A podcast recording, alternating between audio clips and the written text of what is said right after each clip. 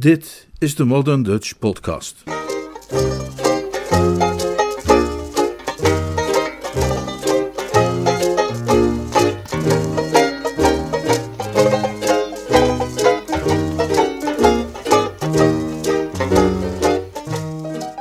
Het meisje in de taxi.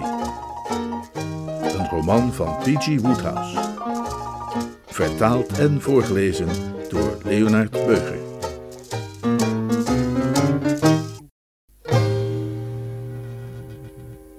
Hoofdstuk 24 Buiten op het terras was de nacht helder en stil. Uit een staalblauwe hemel keken de sterren net zo kalm omlaag als op die avond van het bal, toen George in het struikgewas had gewacht met de klanken van de muziek op de achtergrond en moeizame gedachten in zijn hoofd. Uit de donkere weiden langs de beek klonk de roep van een kwartelkoning, zijn scherpe toon verzacht door de afstand. Wat moeten we doen? vroeg Maud. Ze zat op de stenen bank waarop Reggie Bing had zitten peinzen over zijn liefde voor Alice Faraday en de lelijke slice die hij ontwikkeld had bij zijn mid-ijzers. Voor George, die naast haar stond, was zij een waas in de duisternis. Hij kon haar gezicht niet zien. Ja, ik, ik weet het niet, zei hij eerlijk. En dat deed hij ook niet. Net als Lady Caroline en Lord Belpher en Keggs, de butler, was hij volledig overrompeld door Lord Marshmoreton's dramatische aankondiging. Zonder de geringste waarschuwing had de situatie hem overvallen, en hij had er absoluut niet van terug. Plotseling begon de witte schim die Maud was, snikkende geluiden te produceren. In de stilte klonk het heel luid. Het schuurde langs George's al zo gepijnigde zenuwen. Alsjeblieft, ik kan niet helpen, maar er is niets om over te huilen, echt waar. Als we goed nadenken, zullen we wel een uitweg vinden. Maar huil alsjeblieft niet. Ik huil ook helemaal niet. Het snikkende geluid veranderde onmiskenbaar in een hikkend gelach. Het is zo absurd. Mijn vader die opeens opstaat voor het hele gezelschap. Heb je het gezicht van tante Caroline gezien?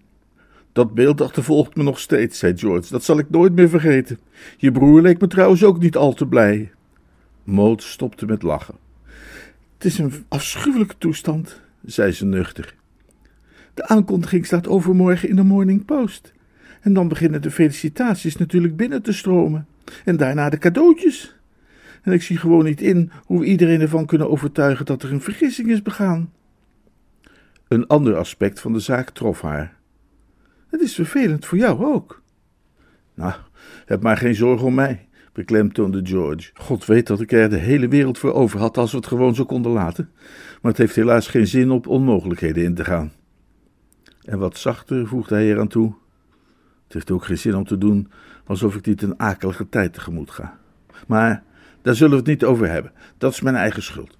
Ik heb me uit eigen vrije wil met jouw leven bemoeid en wat er ook gebeurt, het is de moeite waard geweest jou te kennen en te proberen je van dienst te zijn. Je bent de beste vriend die ik ooit heb gehad. Nou, ik ben blij dat je er zo over denkt. De beste en liefste vriend die een meisje ooit heeft gehad. Ik wou alleen. Ze onderbrak zichzelf. Maar nou ja. Er viel een stilte. Binnen was iemand begonnen piano te spelen. Toen begon een mannenstem te zingen. Oh, dat is Edwin Plummer, zei Maud. Wat zingt hij beroerd? George lachte. Op de een of andere manier had die onderbreking door Plummer de spanning weggenomen. Plummer, of het nu opzettelijk was, als een somber commentaar op de situatie, of omdat hij nu eenmaal het soort man was dat graag dat bepaalde lied zingt, zong Tosti's Vaarwel. Aan de toch al niet zo vrolijke tonen van dat lied voegde hij een geheel eigen jammerende melancholie nog toe. In de stallen begon een hond meelevend te janken en dat geluid had een wonderlijk troostende uitwerking op George's zenuwen. Later zou hij wellicht last krijgen van een gebroken hart, maar op dit moment maakte die dubbele begeleiding het voor een man met humor in zijn wezen onmogelijk om bij de diepere emoties stil te staan. Plummer en zijn viervoetige achtergrondzanger zetten hem met beide voeten op de aarde. Hij voelde zich kalm en praktisch. We kunnen de hele zaak maar beter even rustig bespreken, zei hij. Dan vinden we vast en zeker een oplossing. In het ergste geval kun je altijd nog naar Lord Marshmoreton gaan en hem duidelijk maken dat hij gesproken heeft zonder dat hij had begrepen hoe de vork aan de steel zat. Ja, dat zou wel kunnen, zei Maud, maar op dit moment is dat zowat het allerlaatste dat ik zou willen doen. Je hebt geen idee wat het vader moet hebben gekost om tante Caroline zo openlijk te trotseren. Sinds ik oud genoeg was om ook maar iets op te merken, heb ik gezien hoe ze de baas over hem speelde. Het is in feite tante Caroline die al deze problemen heeft veroorzaakt. Als het alleen om vader was gegaan, had ik hem makkelijk kunnen overhalen me te laten trouwen met wie ik maar wilde. Ik zou dolgraag willen dat je een andere oplossing wist te bedenken. Ik heb nog niet de gelegenheid gehad om je dat te vertellen, zei George, maar ik ben op Belgrave Square langs gegaan, zoals je me had gevraagd. Ik ben er meteen heen gegaan nadat ik Reggie Bing veilig had zien trouwen.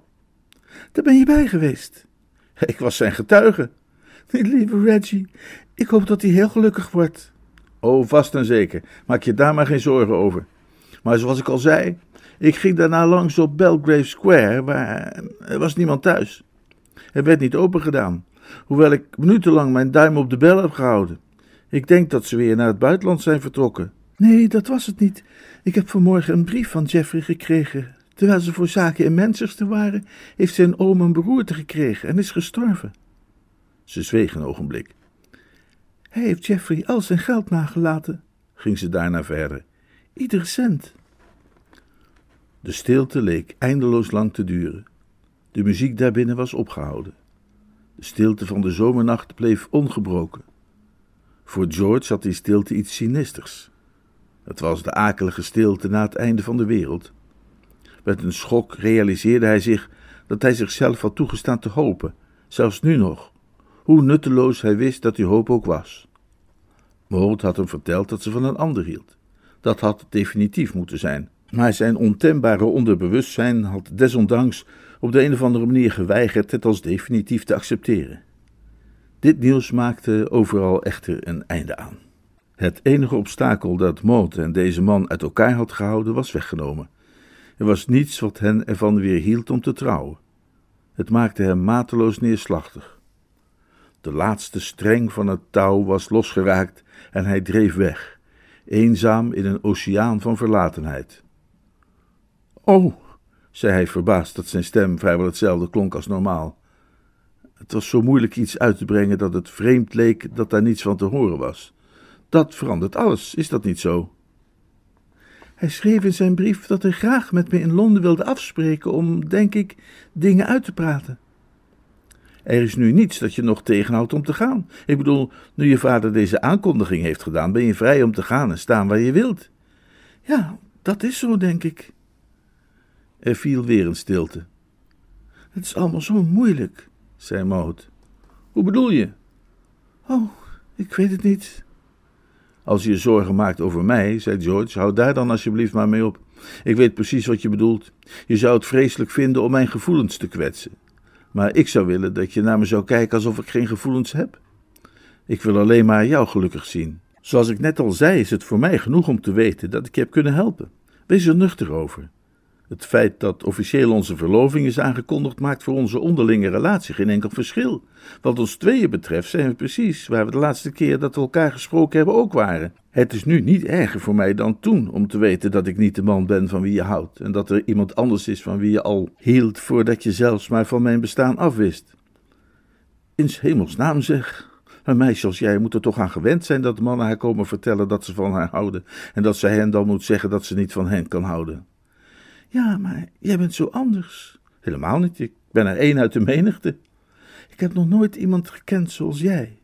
Nou ja, je hebt ook nog nooit iemand gekend als die plummer, stel ik me zo voor. Maar de gedachte aan zijn leed heeft ook je hart niet gebroken. Nee, ik ken wel een miljoen mannen precies zoals Edwin Plummer, zei Maud nadrukkelijk. Alle mannen die ik ooit heb gekend waren zoals hij. Best leuk en aardig, maar ook zo nietszeggend. Kom ook nooit iets schelen af te wijzen. Je wist dat ze een week of twee een beetje knorrig zouden zijn, maar het dan zouden opgeven en verliefd worden op iemand anders. Maar jij bent anders. Jij, jij, jij doet ertoe. Ja, daar zijn we het dan niet met elkaar over eens. Mijn punt is dat als het om jouw geluk gaat, ik er juist niet toe doe. Moot legde haar kin op haar hand en staarde in de fluwelen duisternis. Jij had mijn broer moeten zijn in plaats van Percy, zei ze tenslotte. Wat een goede maatjes zouden wij dan geweest zijn.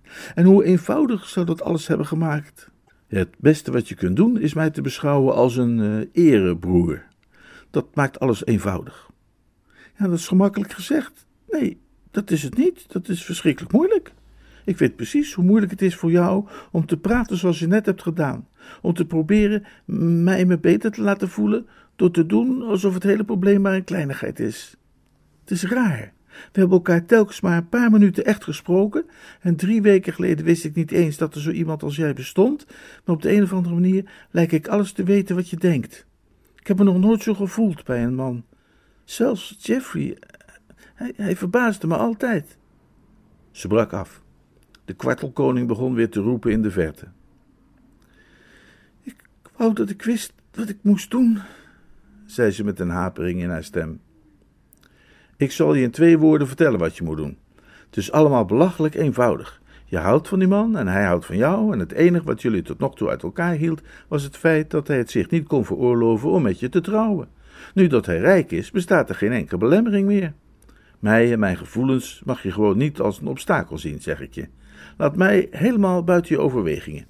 Die vergissing van je vader heeft de situatie wel wat gecompliceerder gemaakt dan nodig was, maar dat kan gemakkelijk worden verholpen.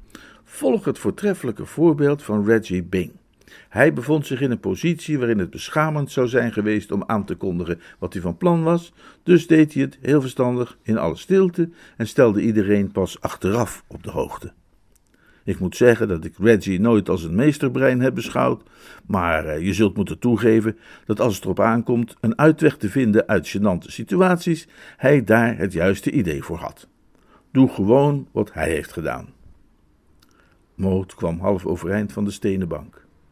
George hoorde hoe ze kort ademhaalde. Je bedoelt er samen vandoor gaan? Precies, er samen vandoor gaan. Een auto kwam uit de richting van de garage de hoek omzwaaien van het kasteel en hield grommend stil onderaan het bordes. Er volgde een stroom van licht en het geluid van stemmen toen de grote deur openging. Maud stond op.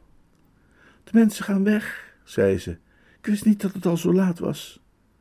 Ze bleef besluiteloos staan. Ik moet eigenlijk naar binnen om iedereen gedag te gaan zeggen, maar ik geloof niet dat ik dat nu kan.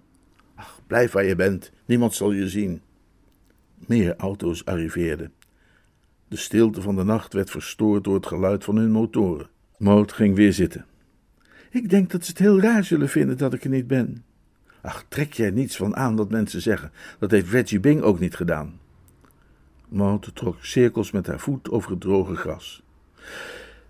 Wat een heerlijke avond, zei ze. Er is helemaal geen dauw. De auto's gromden, toeterden, knalden met hun uitlaat en knarsten de oprijlaan af. Hun lawaai stierf weg in de verte, waardoor de nacht weer tot iets vredigs en magisch werd. De voordeur van het kasteel viel dicht met een klap.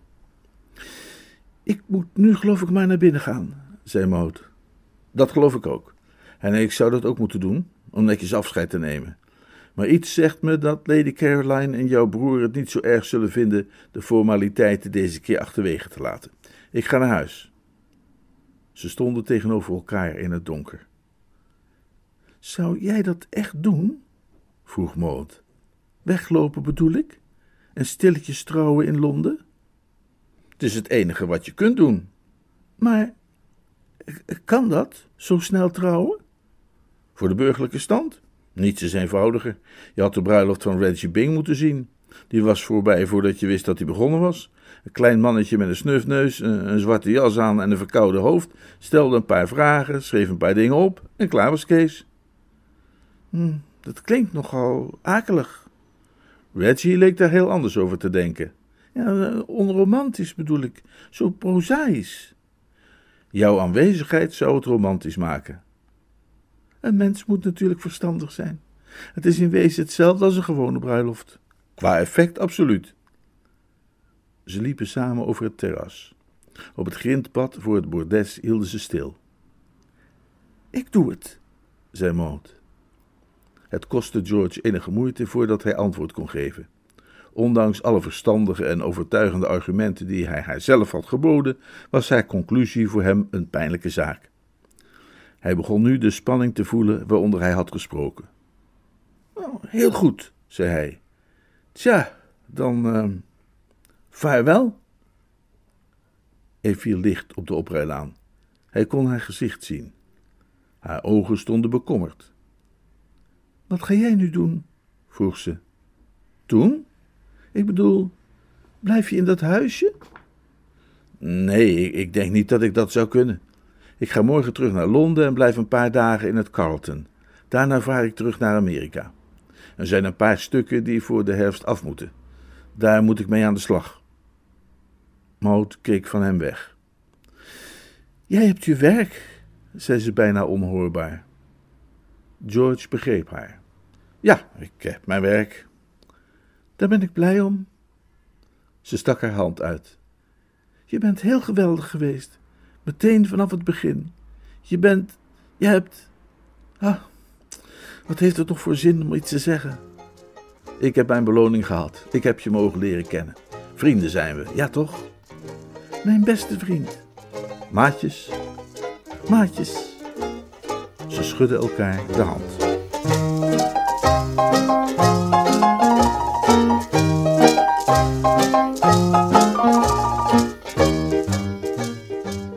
Hoofdstuk 25 Ik ben in mijn hele leven nog nooit zo geschokt geweest, zei Lady Caroline. De laatste vijf minuten had ze steeds datzelfde en nog veel meer gezegd. Totdat de laatste gast was vertrokken, had ze een ijzeren zelfbeheersing weten te bewaren en de wereld een onverstoorbaar gelaat getoond. Ze was er zelfs in geslaagd te glimlachen. Maar zodra de laatste auto huiswaarts was gezoefd, had ze haar masker afgeworpen. Zelfs het meubilair van Lord Marshmoreton's studeerkamer leek te krimpen, als verschroeid door de vlam van haar woede. Wat Lord Marshmoreton zelf betreft, die zag er nogal verschrompeld uit. Het was geen gemakkelijke zaak geweest haar broer na zijn gruwelijk wangedrag voor de loop te krijgen. De jacht was al tien minuten bezig voordat zij en Lord Belfer de arme stakker uiteindelijk toch in het nauw hadden weten te drijven. Zijn via het sleutelgat van de gesloten deur geformuleerde pleidooi dat hij aan de familiegeschiedenis werkte en niet gestoord kon worden, werd genegeerd, en thans stond hij oog in oog met de beide wrekers. Ik kan het werkelijk niet begrijpen, vervolgde Lady Caroline. Je weet dat wij maandenlang ons uiterste best hebben gedaan om heel deze foute relatie te verbreken.